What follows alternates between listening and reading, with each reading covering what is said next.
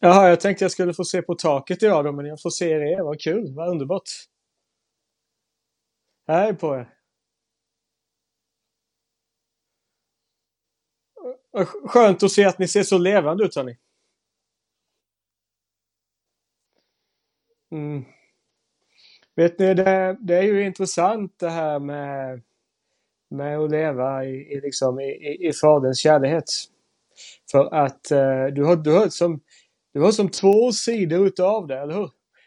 Den ena sidan är ju, är ju att eh, det, det handlar ju väldigt mycket om att få uppleva liksom trösten och, och, och liksom nåden och, och liksom kraften i svaghet och sådär. Men så finns ju i, det finns ju en vildhet i Faderns kärlek också, eller hur? Alltså det, det, finns någonting i att möta far och möta liksom evangeliet som gör att du blir liksom du blir förlöst va. När Paulus talar om det så säger han ju att, att Kristi kärlek driver oss. Därför att vi har insett att en har dött för alla. Och därför har alla dött. För att de som lever inte längre ska leva för sig själv utan för honom som har dött och uppstått för dem. Alltså, det finns någonting i att möta den här kärleken som gör att du blir liksom... Du ger dig själv för andra människor. Och det är någonting som är väldigt starkt i det. Va? Jag är, är ju övertygad om att i takt med att uppenbaringen om Faderns kärlek växer till så kommer vi att se en ny missionsvåg.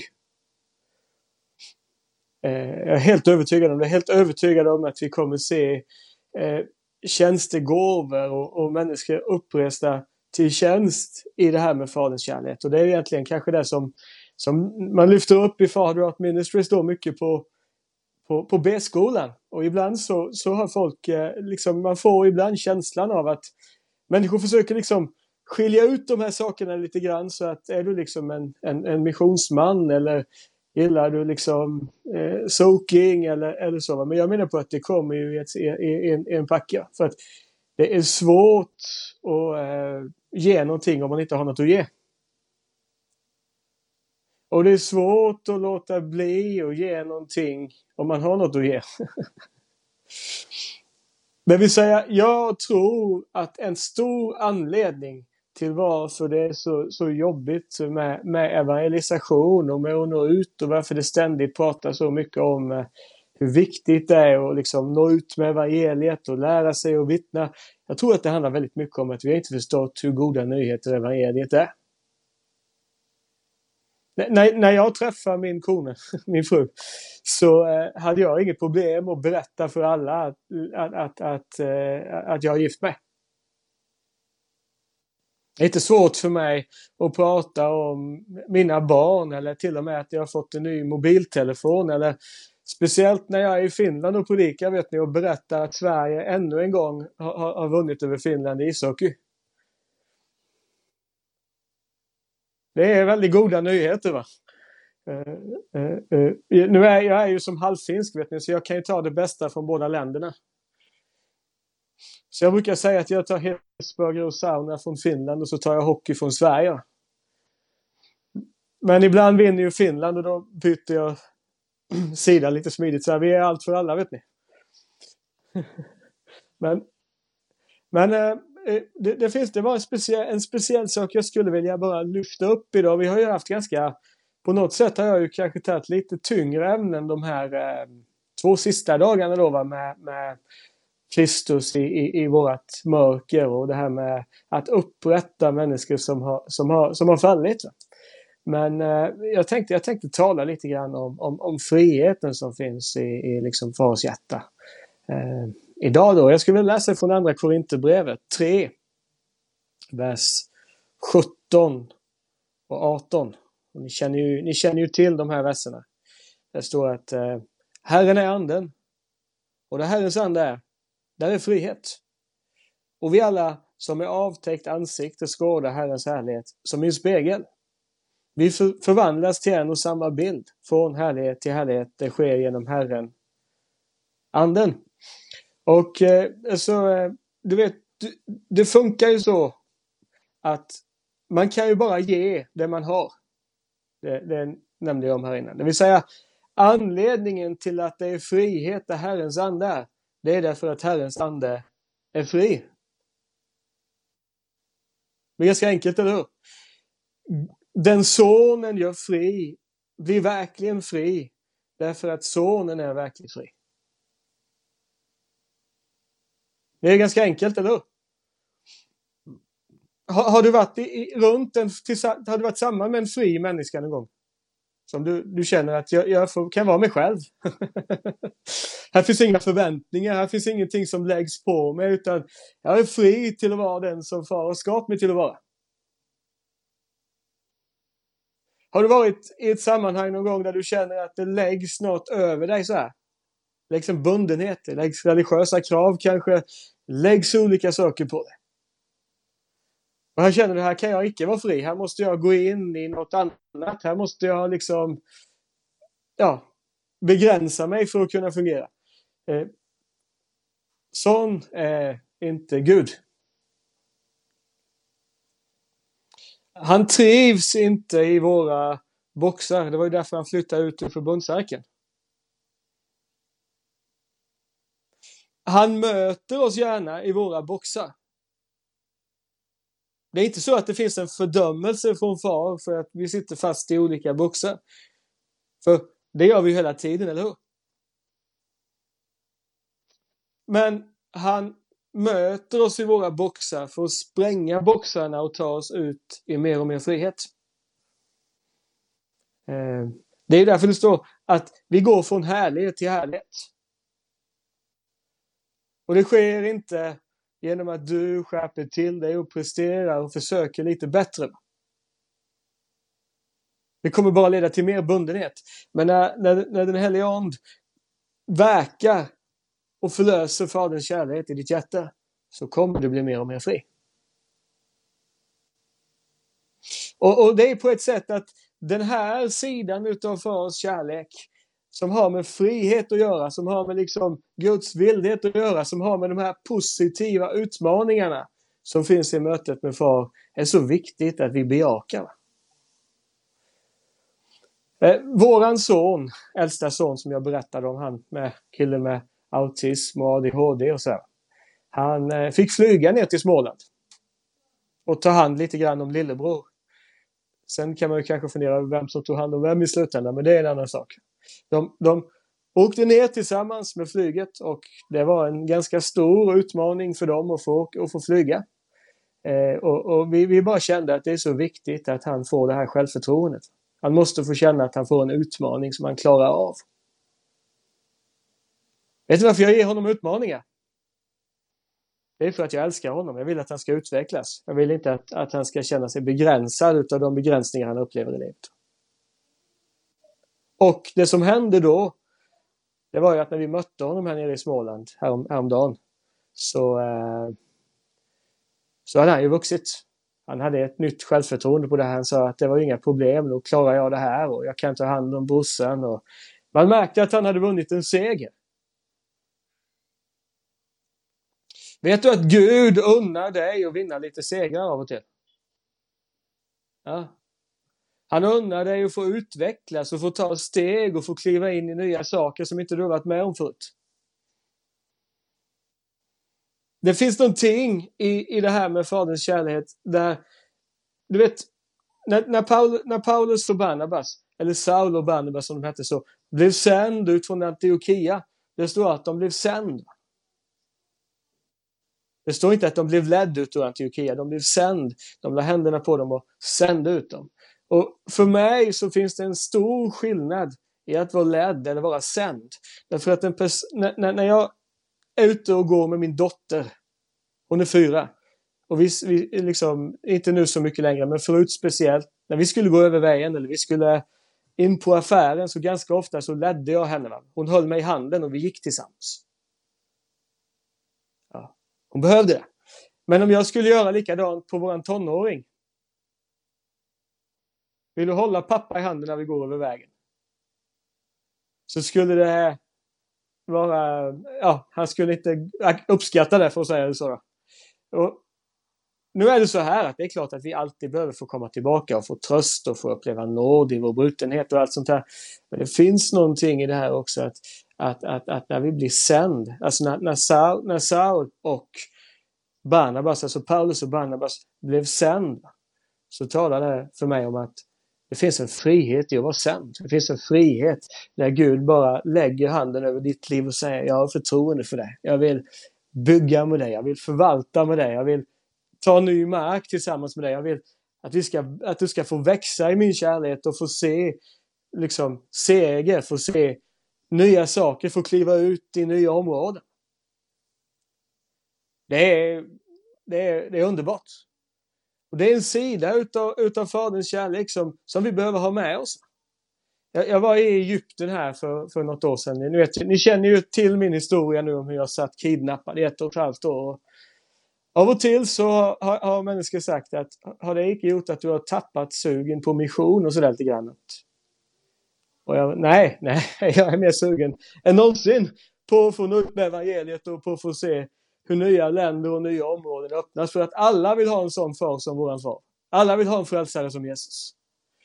Och, och jag kommer ihåg när jag var i Egypten här för några år sedan och, och, och undervisade på ett ledarseminarium i ortodoxa kyrkan faktiskt i Egypten, koptiska kyrkan.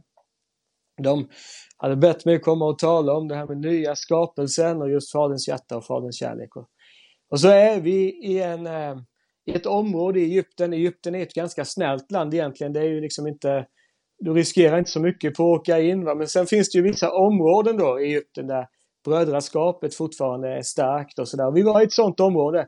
Nästan alla ledare som kom dit hade ju suttit i fängelse, blivit slagna för evangeliets skull och fått uppleva ganska tuffa saker. Och de sa till mig att eh, du är välkommen till alla våra menigheter för att du vet vilka krafter vi möter här nere. Men du kommer fortfarande tillbaka. Och så frågade de varför då? Och då sa jag det är, för att jag har mött Faderns kärlek och jag känner, så alltså, far älskar Ismaels barn. Han älskar alla människor. Det ligger på fars hjärta att bryta begränsningar bryta boxar och kliva ut i nya saker. Så när jag undervisade där, då bara kände jag, jag stod och undervisade, hade, hade seminarium och så bara kände jag fars välbehag över mitt liv. Och man sa till Jesus, det här är min son som jag älskar, i honom har jag mitt välbehag. Jag är stolt över honom, jag är glad i det. Så här. Det finns någonting i det här, där, där far vill förlösa oss till att ta nya områden. Han vill att du ska få uppleva mer frihet. Han vill att du ska få växa. Han vill att du ska få kliva in i nya utmaningar. Det kan betyda väldigt mycket olika för olika människor. Kanske det är någon av er som behöver ta det här samtalet med sin mamma och pappa och förlåta. Kanske dags att ta här, den här liksom uppgörelsen med någon i din menighet som du har haft något emot i flera år och släppa taget om. Om du vet att du har, att du har fått profetiska tilltal över ditt liv, om du vet att Gud har lagt ner olika saker i ditt liv, så kanske det är dags att säga Amen till Guds ja till dig. För du vet, det som kan hända ibland är att vi kan bli som döda havet i det här att när vi för det är ju så att det, det, har vi talat mycket om och det har ni säkert hört nästan varje pass här att, att, att livet i fars kärlek växer som en frukt. Alltså, när du tar emot hans kärlek så kommer andens frukt att växa i ditt liv. Karaktär kommer växa i ditt liv, tjänst kommer växa i ditt liv. Men jag har ju bara sett och det är de av er här som har varit i tjänst betydligt längre än mig, att du kan bli religiös på allt. Vet du. En del människor har haft mycket, väldigt mycket negativa upplevelser utav tjänst och utav, utav mission, mission och sådana här saker. Så att det blir så att du blir anti va. Istället för att låta Faderns kärlek hela de här såren och sända det igen, så fastnar man i att bara vara mottagare. Är ni med på vad jag försöker säga? Alltså, fars kärlek i våra liv ser inte bara ut som att jag ligger och sokar. Fars kärlek i mitt liv ser ut som att vi tar ett äventyr tillsammans. Vi kliver ut i nya, i nya områden tillsammans. Vi vill se nya tjänster växa fram. Vi vill se, vi vill se nya liksom, pionjärgrejer växa fram. Och det är jättestor skillnad att göra det här utifrån ett religiöst tvång eller utifrån friheten som vi har. Och jag tror att det finns någonting i det här att när vi gensvarar på Faderns hjärta i det här så kommer saker att förlösas som kommer beröra hela skapelsen. Titta på Romarbrevet 8. Det står så här, vet ni. Jag kan läsa vers 15 till och med vers 21. Det här är ju välkända verser, men jag tycker de är så, de är så underbara.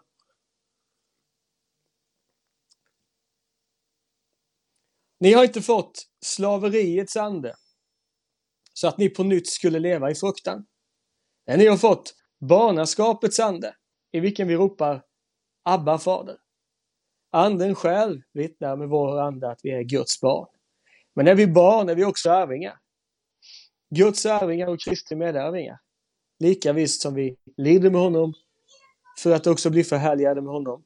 Jag hävdar att den här tidens lidanden väger lätt i jämförelse med den härlighet som kommer att uppenbaras och bli vår. Ty skapelsen väntar ivrigt på att Guds barn ska uppenbaras. Skapelsen har ju blivit lagd under förgängelsen. Inte av egen vilja, utan genom honom som lade den därunder. Ändå finns det hopp om att också skapelsen ska befrias från sitt slaveri under förgängelsen och nå fram till Guds barns härliga frihet. Hela skapelsen längtar efter den frihet vi har fått i nya förbundet. Hela skapelsen längtar efter att få se Guds barn kliva ut i frihet. Jag tror att det finns någonting utav en andlig lag nedlagt i skapelsen. Att när, när, när söner och döttrar bejakar friheten vi har i relation till Fadern så gensvarar skapelsen på det. Jag tror det. Jag, tror, jag är helt ärlig när jag säger att jag tror att det bästa sättet att bemöta den här coronapandemin det är att kliva ut i Guds barns härliga frihet. För jag tror att skapelsen gensvarar på det. Det finns någonting i hela skapelsen som far har lagt ner som längtar efter frihet, som längtar efter att få, att få, att få se hur du och jag blir mer fri. Och jag, jag, jag, ser det framför mig. Jag ser att det kommer en ny nivå av frihet till, det här, till den, här, i den här strömmen, i den här liksom uppenbaringen om Faderns hjärta. Jag vet att, att många gånger så har, har liksom Faderns hjärta, det har mest varit känt för kanske, många gånger, som ett helande budskap. Jag vet inte om ni känner igen vad jag pratar om nu, men jag möter det mycket. Eh, eh kom till far så får du uppleva liksom helbredelse i hjärtat. Och det, det är helt sant, ja. det är underbart att få uppleva helande. Men det är inte tänkt att budskap, eller att, att uppenbaringen om far ska stanna vid att du får uppleva tröst och helbredelse. Utan Gud vill ta oss in i ett liv där det här blir vår drivkraft för hela vårt liv. Ja. Han, han vill resa upp ett folk. Så jag, och jag tror jag ser det framför mig. Jag, igen, jag undervisar inte så mycket nu som jag bara liksom talar det jag ser profetiskt. För jag ser hur far växlar upp härligheten och växlar upp nivån på närvaron och växlar upp på något sätt eh, eh, vi kommer se tjänster födas fram. Vi kommer se apostlar, vi kommer se profeter, vi kommer se evangelister, vi kommer se herdar, vi kommer se lärare som inte har sin identitet i sin tjänst eller i sin framgång eller i sitt anseende utan som är liksom har, har blivit fadern, som man säger, upplevt faderns kärlek på ett sådant sätt att, att man reses upp till andliga fäder och mödrar därför att man har fått uppleva Guds faderskap i sitt liv. För anledningen till att vi saknar andliga fäder i Skandinavien. Det beror icke på att vi inte vet att vi, att vi inte behöver dem, för nästan överallt idag så pratar man om att vi måste ha, vi må ha fäder och mödrar. Men du kan inte vara en fader och en moder för någon om inte du själv har upplevt fars hjärta. Det, det var ju därför Jesus kunde vara en fader, en, en, en fader för lärjungarna. Därför att han gjorde det han såg Fadern göra. Ju mer barnaskapets ande landar i ditt hjärta, ju mer kommer du bli en far och en mor för söner och döttrar som du har runt dig. Du kan alltså inte bara ta din titel och säga jag är en andlig far. För, för det är ju inte faderns fabrik utan faderns hus. Det är skillnad på det. I en, en factory, där kan du massproducera. Så. Men du kan inte massproducera fäder och mödrar. Du kan inte massproducera lärjungar bara genom att sätta ett häftigt program, utan det växer ur gemenskapen med far. Och här menar jag på att det här är det jag tror är någonting som far bara ta oss ut mer och mer i. Det är någonting som vi kommer se växa fram mer och mer. Där vi kommer se den här liksom friheten och vildheten i Gud förlösas över människor som får uppleva fars kärlek. Så att vi får se massa pionjärer, apostlar, profeter, lärare, evangelister som går ut över världen. Jag har sett det många gånger. Jag såg det senast i, i, i natt när jag, när jag låg och liksom innan jag skulle somna. Så kom den här synen igen. En ny missionsvåg utav, utav, utav människor som bär Faderns hjärta till nationerna. Och vi får se uppfyllelsen av det som står i Malaki.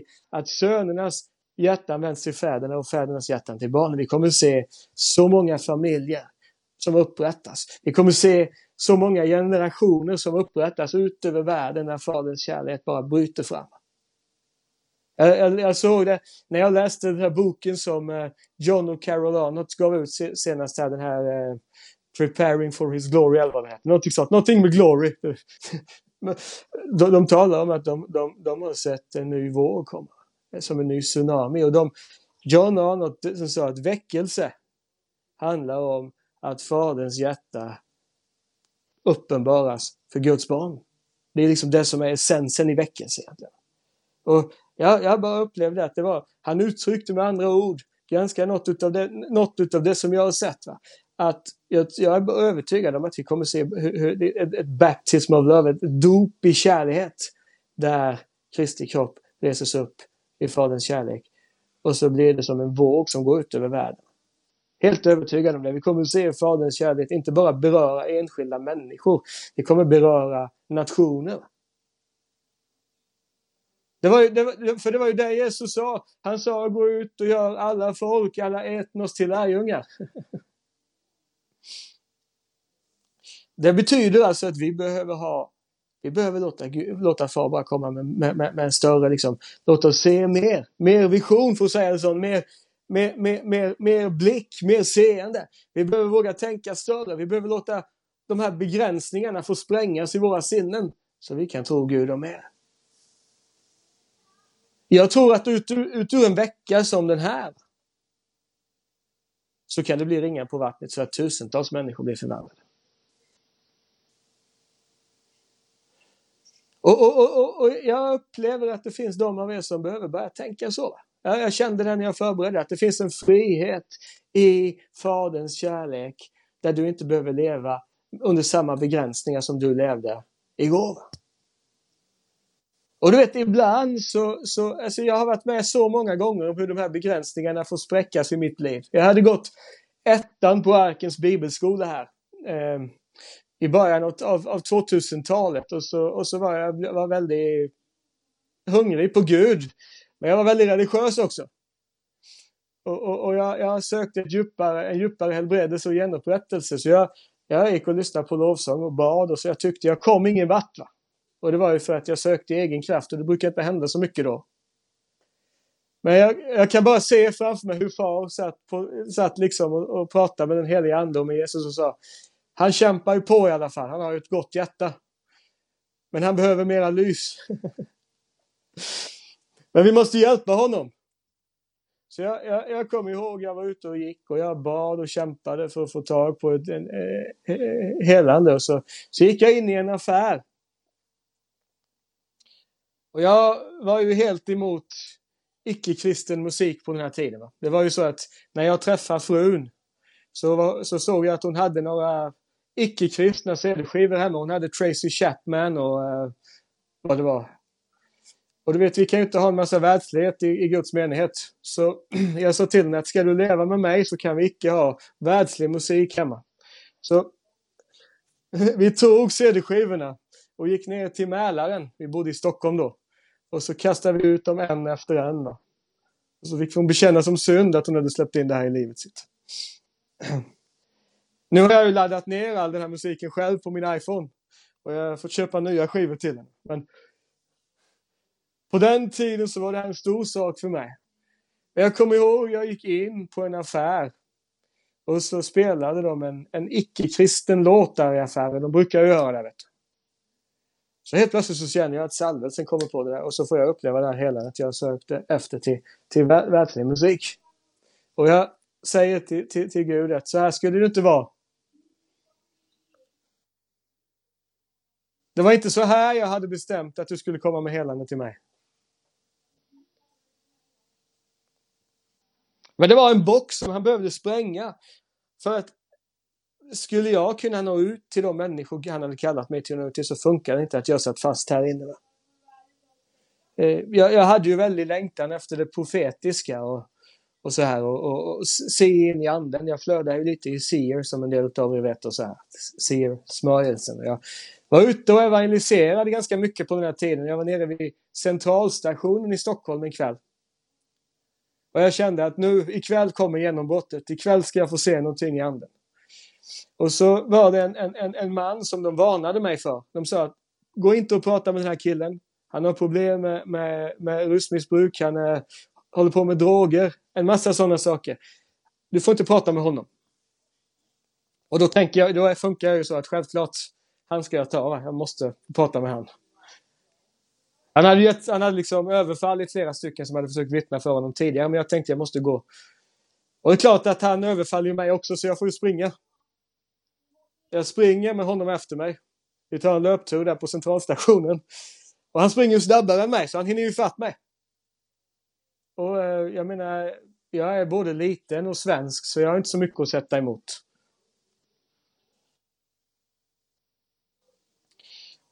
Och så ska han då han ska ju slå till mig och när han ska slå till mig så stoppas handen upp så här i luften mitt framför ansiktet på mig. Då öppnar Gud mina andliga ögon så jag ser att jag har fyra änglar som står runt mig. Två framför mig och två bakom. Och en av änglarna hade parerat slaget så här. Då börjar den här interna dialogen igen. Det var ju inte så här det skulle gå till när jag skulle få mina ögon öppnade. Jag skulle ju vara i bön och sitta och lyssna och så skulle det komma en underbar erfarenhet. Jag skulle ju inte behöva springa och ha ett team som står och skrattar åt mig bakom pelaren när jag springer över stationen. Nej, men det var så här jag ville göra det. Ja. Alltså, sån är våran far. Han är inte begränsad av våra begränsningar. Han är inte intresserad av att du ska fortsätta vara inlåst i det som har hållit dig tillbaka tidigare. Han vill ta dig ut i ny frihet. Och du ska heller inte bli begränsad av att jag pratar för fort så jag ska sakta ner lite grann nu. Det är ju så svårt att inte predika vet ni. När man talar om friheten i evangeliet. Eh, men jag kan bara fortsätta. Jag, jag för några år sedan så kommer det in en man på ett av mina möten. Och jag kallar på honom och säger, jag ser över dig att du är kallad till att vittna för radikala muslimer. Du kommer nå muslimer du aldrig trodde var möjligt. Herren öppnar en dörr för dig. Han kommer ta dig in i omständigheter som är tuffa. Men då ska du komma ihåg det här ordet jag har gett dig, för Herren beskyddar dig genom det. Du kommer nå folk med evangeliet. Jag tyckte det var underbart att profetera det här. ett år senare kom jag ihåg det här ordet och då satt jag och den här mannen i en cell tillsammans. Och jag sa till Gud, jag hade inte, jag menar, det, här, jag, det var ju han som skulle vittna för de här.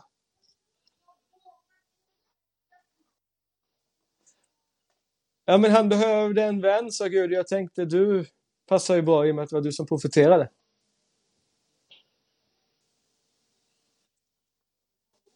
Ja, men det var icke så här jag hade tänkt att du skulle uppfylla ditt ord. Nej, men det är ju därför det är, det är, därför det är inte du som är Gud utan jag, sa fadern till mig. Så du har liksom det här va. Och, och det är klart att jag, jag eh, tycker inte det är kul att sitta inspärrad i ett och ett halvt år, men det finns någonting i hur Fadern verkar som spränger våra begränsningar. Och jag delar det här därför att jag bara, jag bara ser hur, hur liksom Fadern vill sätta dig fri. Han vill ta dig ut till större frihet. Han vill att du ska kunna tro för mer. Det är ju inte varje dag svenska staten är positiv till evangeliet, eller hur? Nej. När jag kom hem från fängelset så var jag trasig i kroppen. Och jag, jag blev helad, jag kunde inte gå. Men jag, blev, jag blev, fick uppleva helande när jag kom hem. Och min fru sa till mig, det var det första hon sa när vi pratade på telefon efter jag hade kommit, kommit ut ur fängelset att eh, Martin, vi ska inte låta djävulen använda det här till att stjäla någonting ifrån oss. Utan vi måste tro om en, eh, att vi ska få allting tillbaka. Många gånger mer. Vi måste se mer människor helade och frälsta och upprättade nu. Och tro Gud om att vi ska få tillbaka all den här ekonomin som vi har tappat i det här. Alltså vi bad tillsammans. Och så ringde de oss ifrån säkerhetstjänsten eller från någonstans, någon, någon, någon instans i Sverige och sa du, bara säg till oss hur mycket arvoden och kollekt du förlorade uppskattningsvis under de här åren så ska vi betala det till dig.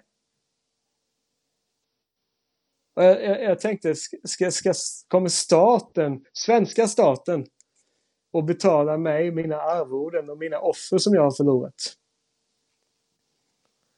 Det är inte helt sannolikt och det var inte så jag trodde vi skulle få ekonomiska mirakler men de, de betalar ju tillbaka va? och jag sa till frun kanske vi ska lägga på lite va? Jag menar vi kan ju tänka ett, ett gott mått packat, skakat och rågat här va. Hur mycket tror vi Gud hade ökat vår ekonomi om vi hade varit kvar hemma liksom? Men sen kom vi på att så kan vi inte göra utan vi, vi, vi gjorde en, en, en bra beräkning och så fick vi detta. Och efter det här så har vi sett hur våran tjänst har blivit multiplicerad. Vi har, vi har säkert en fem sex gånger så stort liksom, kontaktnät och arbete nu än vad vi hade innan Syrien. Varför berättar du det här? Kanske du undrar. Eh, sitter du och skryter? Ja, jag skryter om förkärlighet. Det handlar inte om mig, men jag vill att du ska se någonting. Det här hade kunnat vara någonting som hade brutit mig för livet. Är ni med på vad jag försöker säga då? Det här skulle kunna definiera min framtid. Och jag har fått uppleva massa tröst, massa helande. Jag har fått uppleva hur jag har luggit i, liksom i fars armar och skrikit och varit förtvivlad och ledsen och arg och sint och allt på en gång. Men samtidigt så älskar han mig för mycket för att låta mitt förflutna definiera min framtid. Och därför säger han, du, ge det här till mig, låt mig hela det och sen ska jag ta dig från, från härlighet till härlighet. Ja. Kan du se det för ditt liv den här dagen? Kan du se att det finns så mycket mer frihet, det finns så många nya nivåer utav härlighet som far tar dig in i? Ja, det, det, är klart du kan tänka på det religiöst så här när jag säger det här nu. Så här. Ja, men duger inte jag som jag är? Älskar inte han mig som jag är? Jo, han älskar dig som du är. Om du skulle ligga på soffan resten av livet och icke göra något, något annat än att bara vara, så skulle han älska dig fullkomligt. Han är fullkomlig kärlek hela tiden. Men du vet, han älskar dig för mycket för att inte vilja vara involverad i ditt liv. Han älskar dig för mycket för att inte ge dig en bättre framtid än vad du tror. Han älskar dig för mycket för att det som har varit ska definiera vad du ska in i. Och du vet, det, det som händer det är ju att han tar oss in i en större frihet. Alltså jag hade ju inte förstått att det profetiska skulle vara så... Eh, ja, roligt säger man väl inte i, i, i Norge. Det blir något helt annat där. Men att det skulle vara så underbart och så oreligiöst.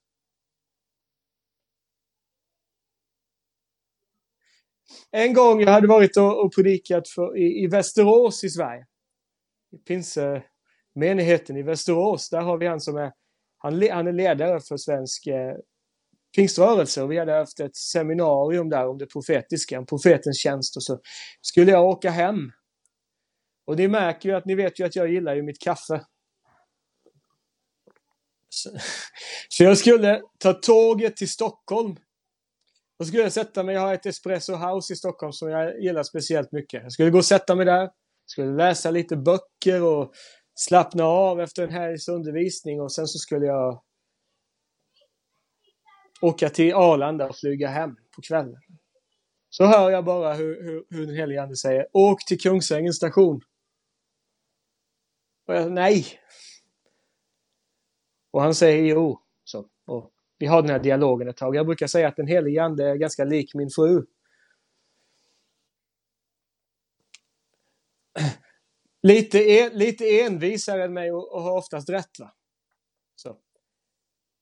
Jag gav ju med mig och åkte ut till Kungsängen på pendeln och jag var trött och jag kände vad gör jag här? Och jo, jag upplevde alltså, det finns någon här som du ska få profetera och betjäna. Ja men Kungsängen, där ligger ju arken. Det finns ju hundratals förebedjare i Kungsängen. Varför skickar du mig? Jo, för att hon har frågat mig om det. Och för att du säger ja. Så jag åkte dit och satte mig på min resväska och väntade. Och när jag hade väntat i en kvart så tänker jag att jag har ju hört fel nu. Nu har jag missat den här dagen bara för det. Och så upplever jag bara hur, hur, hur den helige Ande säger du måste vänta lite till, för hon kommer snart. Så börjar det regna. Va? Och då känner, då känner jag att jag har ett fel. Jag har ett fel. Men precis när jag är på väg att ge upp så kommer hon gående där. Jag har inte sett henne på 15 år. Och så säger hon Jag tänkte just på dig Martin. Jag, jag, jag tänkte jag sa till far, kan, kan, inte, kan inte jag få träffa Martin? Han, han skulle kunna be för mig. Jag bara känner att han har liksom salvelsen som jag behöver nu. Och jag sa, ja men då fick du bönesvar för jag är sänd hit för att prata med dig.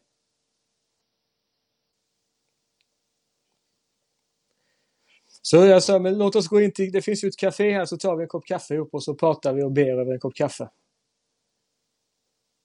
Jag brukar säga att det är då det händer, vet du, när man tar en kopp kaffe ihop.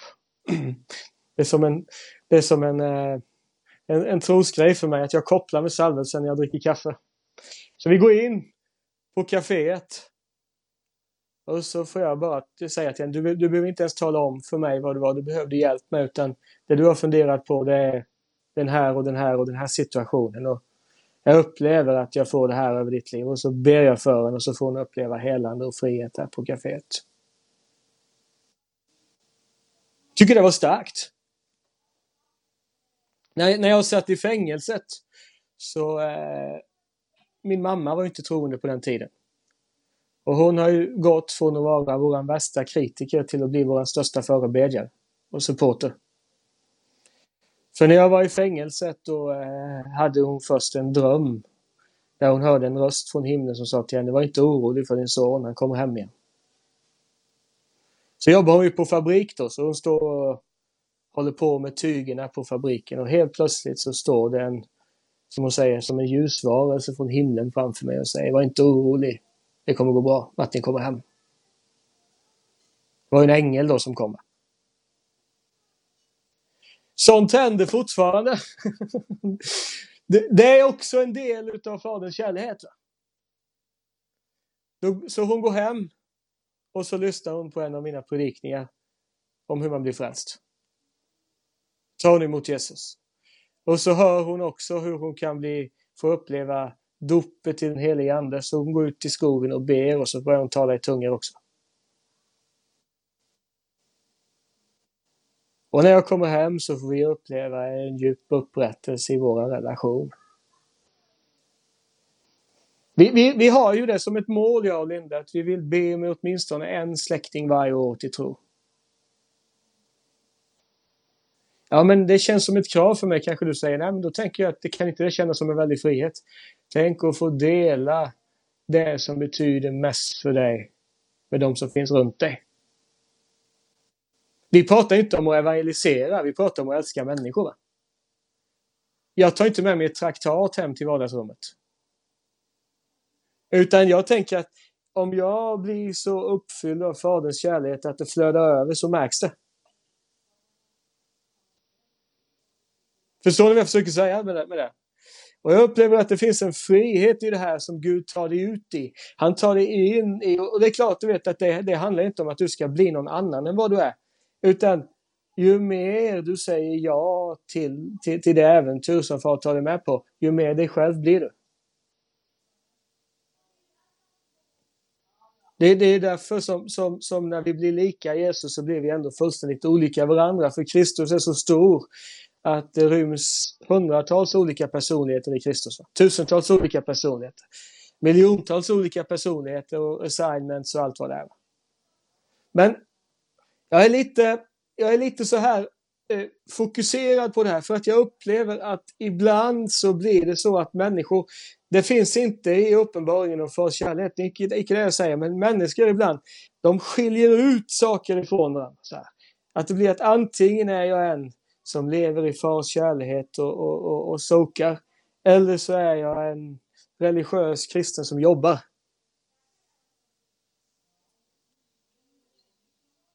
Känner ni igen det? Ni kanske inte har mött det här i Norge, men i Sverige har vi det så ibland. Och det jag menar på är att mötet med fars kärlek, mötet med Jesus Kristus, mötet med evangeliet gör att jag kan inte låta bli utan att bära frukt. Du måste låta far älska dig tills det blir omöjligt att inte älska människor runt omkring dig. Det är därför jag brukar säga det. Jag, jag, kan, jag, vill, jag vill slå vad med dig. Och vi kan göra det i norska kronor. att ligg hemma på soffan i två veckor och fokusera på att bara ta emot Faderns kärlek. Och så får du 500 norska kronor av mig om inte du har blivit mer fri och fått nya idéer på hur du ska kunna nå människor med evangeliet. Alltså varför säger jag så? Jo, därför att jag tror att det, fin- att, att det här finns, något, finns någonting i det här. Vet du? Att, att, att Gud reser upp ett folk som är så uppfylld av Faderns kärlek att det, rinner, att det flödar över. Du vet, eh, vi, vi, det var så underbart. Vi fick föra, eh, alltså min, alltså min frus pappa är ju skild från, från, från Lindas mamma då. Hon har gift sig med en ny, han har gift sig med en ny, en ny kvinna. Och hon har ju vuxit upp i frikyrkan då i, i en pingst, pingstförsamling och hon upplevde då, jag vet inte, jag säger inte att församlingen var religiös, men hon upplevde kristendomen som religion och gick bort ifrån ifrån eh, det kristna livet som tonåring. Och vi bara kände, vi bara kände hur Fadern bara highlightade henne.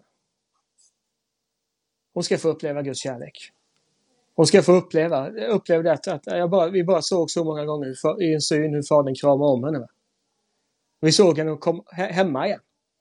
Så vi började, vi började säga det att varje gång vi åkte, vi åkte till, till, till Lycksele för att hälsa på så släpper vi en kärleksbomb från far.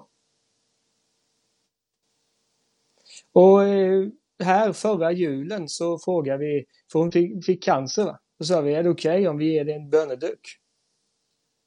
hon har aldrig varit öppen för det förut, men det var okej. Okay. Och eh, eh, Lindas pappa blev så avundsjuk att han sa att jag vill ha den varannan natt. Va? Så de hade böneduken varannan natt så här under, under kudden.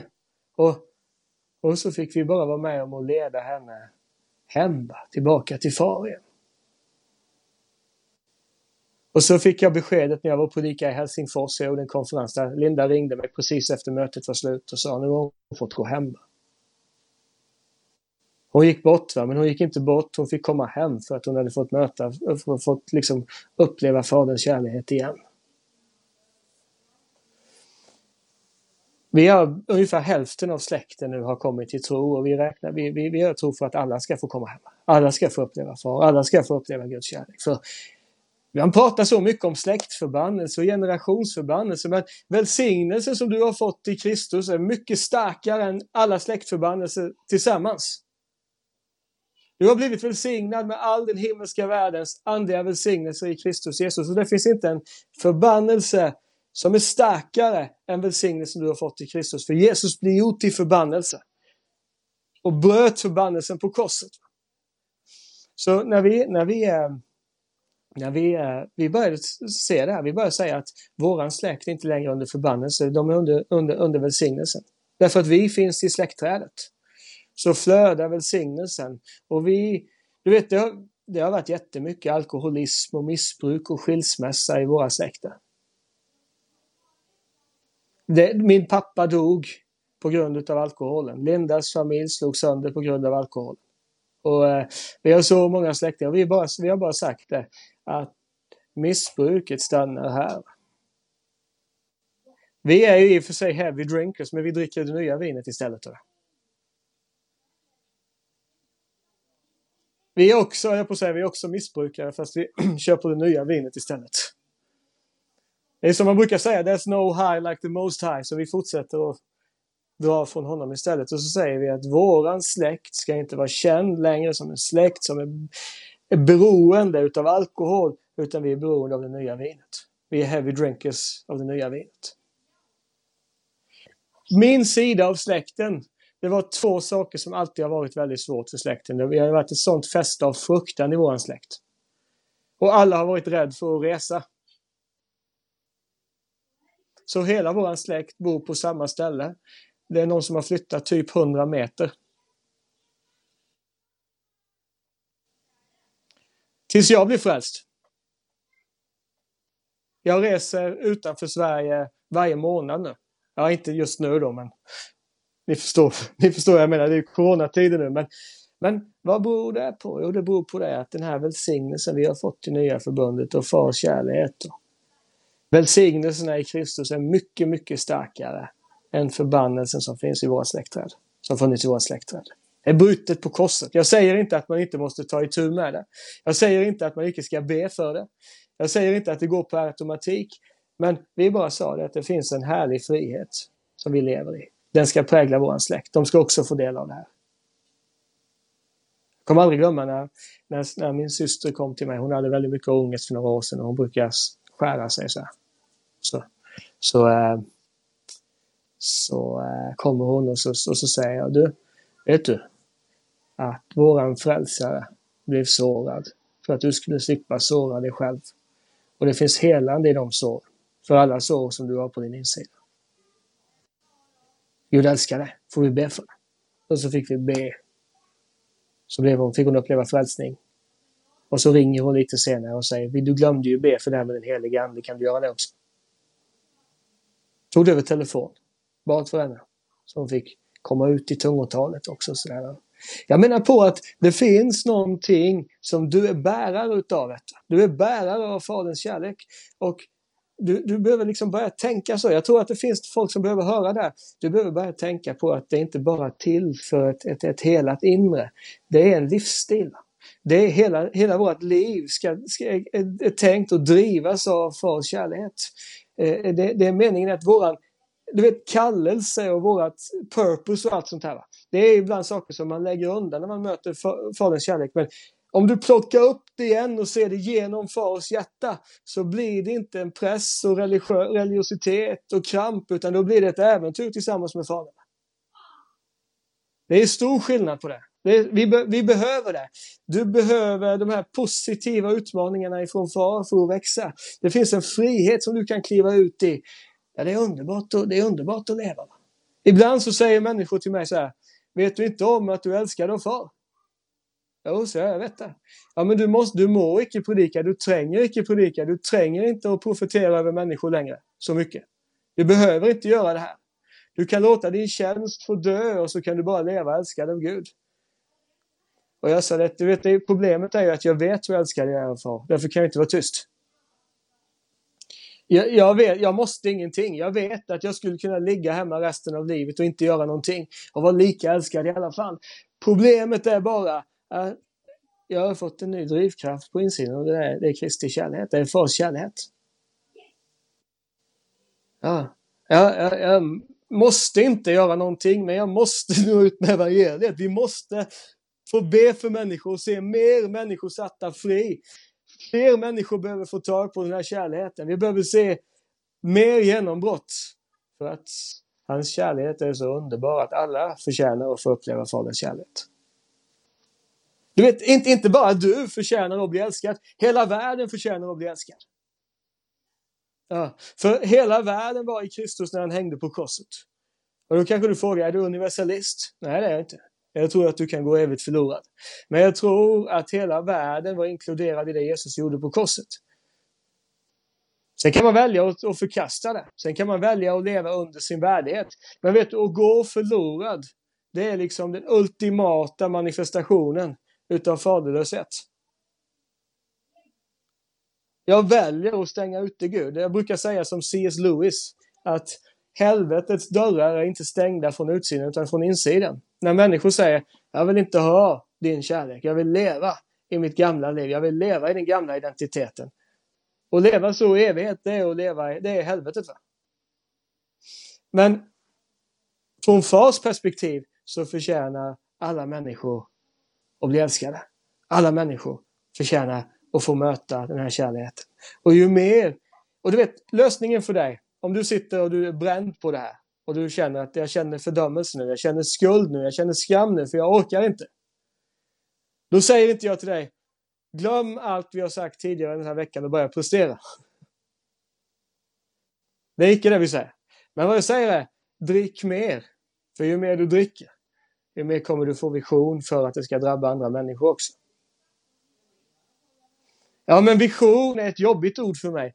Ja, men det beror på att du ser det ur ett faderlöst perspektiv. För när du ser det genom fars hjärta så handlar inte vision om vad du kan producera för Gud. Utan det handlar om att du ser vad far ser för andra människor. Det är därför jag inte ger upp om Kristi kropp. Ibland så kanske en del av mina vänner säger du är för snäll Martin. Jag skulle inte ha rest i de här sammanhangen om jag var du för det, det, det blir inget genombrott i alla fall. Låt de döda begrava de döda och gå vidare. Så. Men jag, jag, kan inte se det så. Därför att när jag ser Kristi kropp så ser jag en ny skapning. Inte bara, utan jag ser Kristi kropp som en ny skapelse. Jag ser vad Jesus har lagt ner. Jag ser hur mycket far älskar sina barn. Och jag ser att de är bröder och systrar. Och jag, bara därför att jag ser genom fars hjärta så får jag vision för wow, tänk vad som kan växa fram här. Tänk vad som kan växa fram här. När vi kom till menigheten vi är en del utav nu så eh, var de jätte avvaktande mot det karismatiska och det profetiska och de fick ju brev om mig. Vet ni. De fick tre sidor understruket i rött så här, om, som la upp alla villoläror jag kör med. med Latter Rain och Hyper Grace och eh, obalanserad kärlek och allt vad det var. Men och det var, de var jätteskeptiska i början. Va? Men över tid så har vi sett hur något nytt, nytt har kunnat växa fram. Vi ser nu profetiska team som börjar, börjar fungera. Vi ser liksom eh, vi har en, en kvinna, hon, är, hon leder folk till tro överallt hela tiden. Hon har den här evangelistiska tjänsten. Hon skulle opereras ganska nyss och när hon låg på britsen precis innan hon skulle opereras så ledde hon sin granne, till, eh, alltså den som låg i sängen jämte till tro. Och det första hon sa när hon vaknade efter operationen var vi måste prata mer om det här. Till. Alltså, och det, det, bygger på att vi ser någonting. Vi ser, vi ser nya skapelsen. Och det finns en frihet i det här. Att jag är inte bunden till att leva trasig och begränsad av mitt förflutna resten av livet utan jag får kliva ut i friheten. I Faderns kreativitet, Faderns kärlek, Faderns närvaro. Och det bygger inte på att jag själv försöker, försöker producera någonting utan det bygger på att jag är så älskad att det måste flöda över. Ja. Ni vet, ibland har jag svårt att lägga mig ner och soka för jag somnar bara. Eller så, blir, eller så blir jag uttråkad. Så jag måste, jag måste soka gående. Så här. Jag, jag var ute och gick idag, hade liksom soaking samtidigt som jag gick en promenad. Och, och, och, och jag upplevde hur, hur Gud sa till mig, du, det är en profetisk bild Martin. För jag vill att du ska soka gående, jag vill att du ska vara ständigt påkopplad i min kärlek, men jag har gett dig happy feets. Eh, jag har fått det profeterat över mig hela livet. You have happy feet, you have willing feet, you have feet that are ready. Alltså du har fötter som är redo, du har glada fötter. Du gillar att springa med evangeliet. Och, och det, det bygger ju inte på att jag säger nej, jag, jag, måste ta mitt ansvar, jag måste vittna, jag måste skärpa till mig nu. Utan det betyder, det betyder att wow, jag är så befriad av Faderns kärlek att jag måste ge det vidare. Det är underbart liksom. Jag, jag kommer ihåg, du vet, när vi var på, eh, när vi var på A-skolan här med Olav och Gunnar här om året så, så eh, det var ju tanken att man skulle inte göra någonting när man var där, eller hur? Skulle bara ta emot. Men ibland fick jag sån abstinens och på kvällen smög jag iväg och ringde och profeterade med någon i smyg så här. Jag får, jag får bekänna mina synder så här offentligt. Men det var för det att jag, jag, jag fick sådana möten med fars kärlek och min, min fru sa att jag, vi har aldrig upplevt det och vi har varit i många sammanhang. Vi har varit med och organiserat konferenser med Rodney Howard Brown. Vi har haft, hade John och Carol Arnott på arken. Vi har haft eh, en massa olika tjänster va, som har kommit in. Eh, men vi sa det att vi har aldrig upplevt fars kärlek så starkt som vi gjorde där. Det var liksom något, någonting extra som hände i våra liv där. Men det leder ju till att när man då ser på sin omgivning genom Fars kärlek så vill man att fler ska få uppleva det. Och en del människor som har blivit bra på att dricka, det kan bli som en omvänd religiositet i det. För du, du, kan vara religiös med din tjänst, du kan vara religiös med alla de här sakerna, men du kan bli omvänt religiös också. Så här, att allt som handlar om tjänst, allt som handlar om vision, allt som handlar om utmaning och sträcka sig vidare. Man avfärdar det som lagiskhet och så bara tänker man att det här behöver inte jag tänka på, det här behöver inte jag bry mig om. Och det behöver du inte. Men hur, hur, hur, hur spännande blir livet om ingenting händer? Eh, hur, hur, hur, hur, spännande blir det att leva av Faderns kärlek om inte du får se genombrott i andra människors liv? För jag tror att det som ligger på Guds hjärta är att han vill ha en stor familj. Ja, han vill ha många barn. Och han vill ha barn från alla olika delar av världen. Eh, och jag, jag, jag, jag, känner när jag sitter och pratar, ni vet vi har en världskarta hemma på väggen. Som jag fick i födelsedagspresent som min fru tapetserade upp, hon och en väninna. De tapetserade upp en världskarta så jag kan se nationerna. Den finns bakom vardagsrumssoffan. Så när jag, kom, när jag sitter och äter eller när jag sitter och, och vi sitter i tv-soffan så ser jag den här världskartan och det är som att jag ser, du vet, jag ser Asien, jag ser, jag ser Iran och Irak. Tänk, tänk när Iran och Irak öppnar upp så vi kan ha kampanjer och nå tusentals människor i de här länderna. Det finns en höst som vi säger i Norge. och jag tror att Faderns kärlek kommer öppna upp så många nya områden och så mycket nytt. Och jag tror att du kommer uppleva att det kommer inte handla om prestation och lagiskhet och krav och kramp utan du kommer få uppleva de här positiva utmaningarna. Där du kommer få vara med och se tusentals människor förvandlade. Ja, men nu kan du säga så om mig, säger du kanske. Jag är inte så häftig. Nej, men du har en häftig far. Du kan vara helt vanlig för du har en ovanlig frälsare som bor i dig. Du kan vara en, en helt naturlig norrman, om det nu finns några sådana. Uh, eh, för, för du har en övernaturlig ande som bor i dig. Va? Och jag brukar säga när jag är i Finland och predikar, de säger så här hela tiden till mig. Ja, vi vet i Finland, vi är ett faderlöst folk. Och jag säger, sluta med det där. Sluta säga sådär, för om du är frälst så har du universums bästa pappa. Jag förstår att ni kan leva och uppleva faderlöshet, men din identitet är inte att du är faderlös och borttappad, utan du, du, har, du har universums bästa pappa. Och då säger de till mig, du vet inte vad vi har varit med om. Och då brukar jag säga, jag var också med om att min pappa, finsk pappa, lämnade mig när jag var ett år och jag hörde inte av honom mer än när han kom för att pressa oss på pengar och så kom han till och med, han kidnappade mig en gång, han tog mig va. För att använda mig för att få pengar till sitt missbruk när jag var liten. Så jag vet hur det är att växa upp utan pappa. Men, vet ni att jag har egentligen aldrig varit faderlös. Det är bara att jag inte vetat om vilken underbar far jag har. Men det, det, är inte så att, min, att, att Gud hade glömt bort mig och tittat bort ifrån mig och inte ville ha med mig att göra förrän jag bad frälsningsbönen. Han har alltid sökt mig. Han har alltid varit min far. Det är bara att jag inte, inte liksom accepterat det.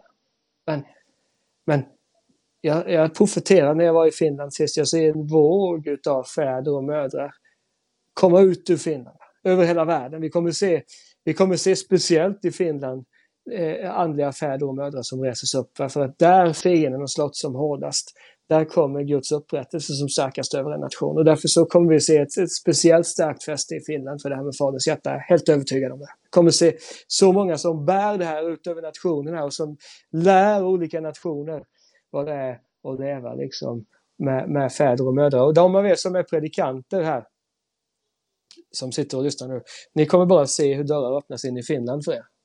Jag bara ser det, jag bara ser både A och B-skolor och Faders hjärta-konferenser som, som kommer ännu mycket starkare. Och jag vet att det redan finns ett starkt faderhat i Finland, men det kommer starkare. Va? Det kommer starkare och jag bara, jag bara sett över Norge och jag ser över er i Norge. Va?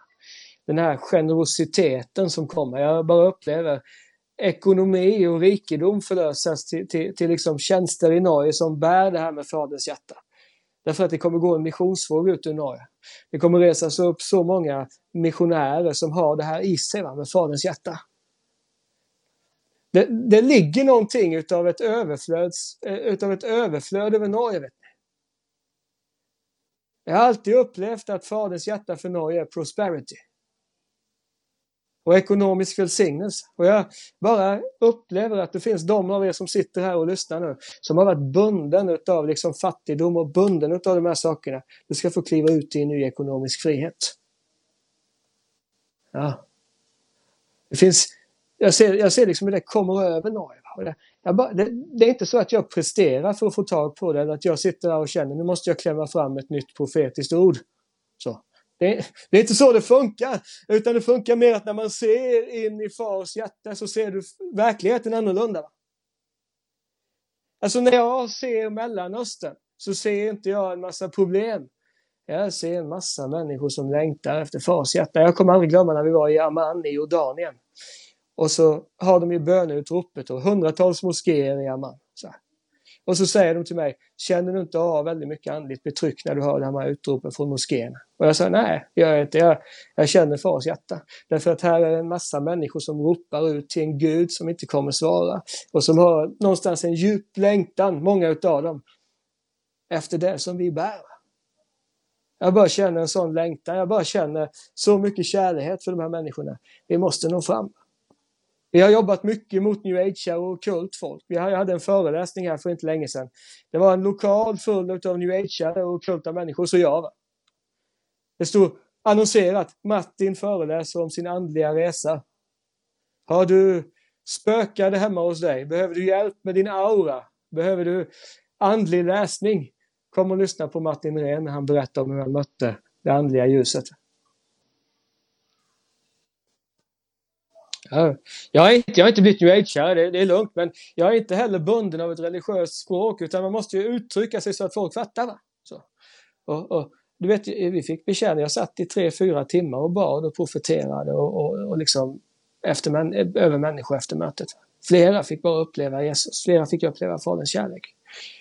Och det, det är ju inte, alltså det, det, får inte bli så när du sitter och lyssnar på det att du tänker ja, det borde jag också göra. Jag måste, då, då hör du fel va. Utan vad jag säger är, se in i fars hjärta, drick faderns kärlek, så kommer du få vision och du kommer få ta nya steg och du kommer få se friheten som finns i evangeliet. Sätta så många människor fri över hela världen. Jag kände jag ville liksom avsluta mina pass med det här, för det låg på mitt hjärta att det finns mer frihet för dig att kliva ut i. Wow, det är så häftigt. Vi tackar dig för, för det du, det du gör just nu. Jag bara ber dig för att du ska komma med ett, ett, ett, döpa oss i din kärlek igen och igen och igen. Att, att, att du ska döpa oss i ande och eld, att du ska komma över oss med ny vision, ny eh, salvelse och att du ska också lö lösa från de här religiösa oken som gör att när man tänker tjänst och mission och vision så blir det det här fördömelsen och det här kravfyllda. Vi bara ber om att få se in i ditt hjärta. Mm. Mm, mm, mm. Vi bara ber om att få se in i ditt hjärta. Jag vet inte, jag upplever över, över, över de här, jag vet ju Gunnar, du jobbar mycket mot de döva va? Jag, jag bara upplever att ni kommer få se när ni står och undervisar om Faderns hjärta, inte bara hur döva får möta Faderns kärlek, utan jag ser döva öron som öppnas. Jag ser mirakelgåva, jag ser kraftgärningar förlösas på de här, på de här skolorna. Ni kommer bara se det och det kommer komma helt naturligt, för jag vet att ni inte tar dit dem för att be om helande. Så här. Utan ni tar dit dem för att de ska få möta Faderns kärlek. Men det vore en, en fantastisk frukt om ett par fick uppleva det, eller hur? Och jag upplever att det kommer. Jag upplever att ni kommer få kliva in i kraftgärningar i teamen. Där. Ni kommer få kliva in i, och jag ser det över A-skolor och B-skolor som ni kommer ha utifrån Norge och utöver världen. Va? Eh, kraftgärningar. Så många som kommer komma dit och få uppleva fysiskt helande och kommer få uppleva liksom, den här djupa befrielsen. Att det bara kommer ske nu. Jag upplever att det kommer en ny nivå utav det. Va? Över A-skolorna, över B-skolorna, över liksom dövskolorna som ni kör och allt vad det är. Så här. Inte som en, eh, inte för att ni lägger om programmet eller ändrar tema. Det är inte det jag menar. Jag menar mer att Faderns kärlek kommer, kommer, kommer, vi kommer stiga en nivå. kommer stiga ett par nivåer. Ni kommer se fler människor som kommer till skolorna, människor som kommer på konferenserna. Helt plötsligt så kommer de bli aktiverade till tjänst. Och jag ser många ungdomar, en ung generation som kommer börja få tag på det här nu. Det kommer öppna sig, de kommer börja få tag på det här. Och de kommer och bära Faderns hjärta till nationerna. Jag ser det gå utifrån Norge, jag ser det gå utifrån Faderhat i Norge, jag ser det gå utifrån ifrån seminarier och konferenser i Norge. Ut över världen. Ut över världen, beröra så många människor, starka mirakler, starka helanden, starka befrielse. Ehm, jag ser liksom stammar i Afrika där alla får möta Faderns kärlek. Och där helande sker. Jag ser länder där familjer har blivit söndrade av missbruk. Och när de, här människorna kommer som har blivit sänd ut ur de här skolorna så kommer ni att se hela stammar och familjer och släkter bli upprättade av Faderns kärlek. Det kommer, det kommer nya nivåer. Jag ser bara kraftgärningar och mirakler som förlöses. Jag ser bara liksom hur saker man fick jobba för länge, hur det bara multipliceras och förlöses. Och så finns det några utav er också som har kämpat med det här att, att era barn är som bortsprungna. Det är som att ni upplever att era barn, alltså fysiska barn, har varit som det hundrade fåret som har sprungit bort. Men jag upplever bara, jag ser den, här synen över, över er just nu, hur barnen kommer tillbaka. Jesus hämtar dem. Jesus bär dem tillbaka. Han, han är ju den herden vet ni, som lämnar de 99 för att leta efter det bortsprungna fåret. Och ni kommer se att tiden framför nu kommer vara tid när, de, när de förlorade fåren kommer hem igen. Jag upplever det. Flera utav er kommer se genombrott i relationen med era, era, era söner och era döttrar. Och ni kommer se hur Faderns kärlek kommer in och helar och stärker familjerelationer på ett fantastiskt sätt. Djupa bara helandet. Det var några av de sakerna jag bara upplever. Jag upplever också att ni kommer få se den här upprättelseväckelsen som jag har pratat om. Att de starkaste tjänsterna som kommer i den tid som ligger framför. Många av dem kommer vara de som har gjort de mest pinsamma misstagen. Men där kommer härligheten och nåden ifrån far och vara utgjut som allra starkast. Därför att far älskar upprättelse. Han älskar upprättade liv. Han älskar att demonstrera sin kärlek på människor som har, har, har misslyckats fullständigt. Men hans kärlek kommer resa upp dem igen starkare än någonsin. Jag bara upplever att de som kommer få mig att stå och bryta mark för det här. Tackar dig för det Fader, i Jesu namn. Amen.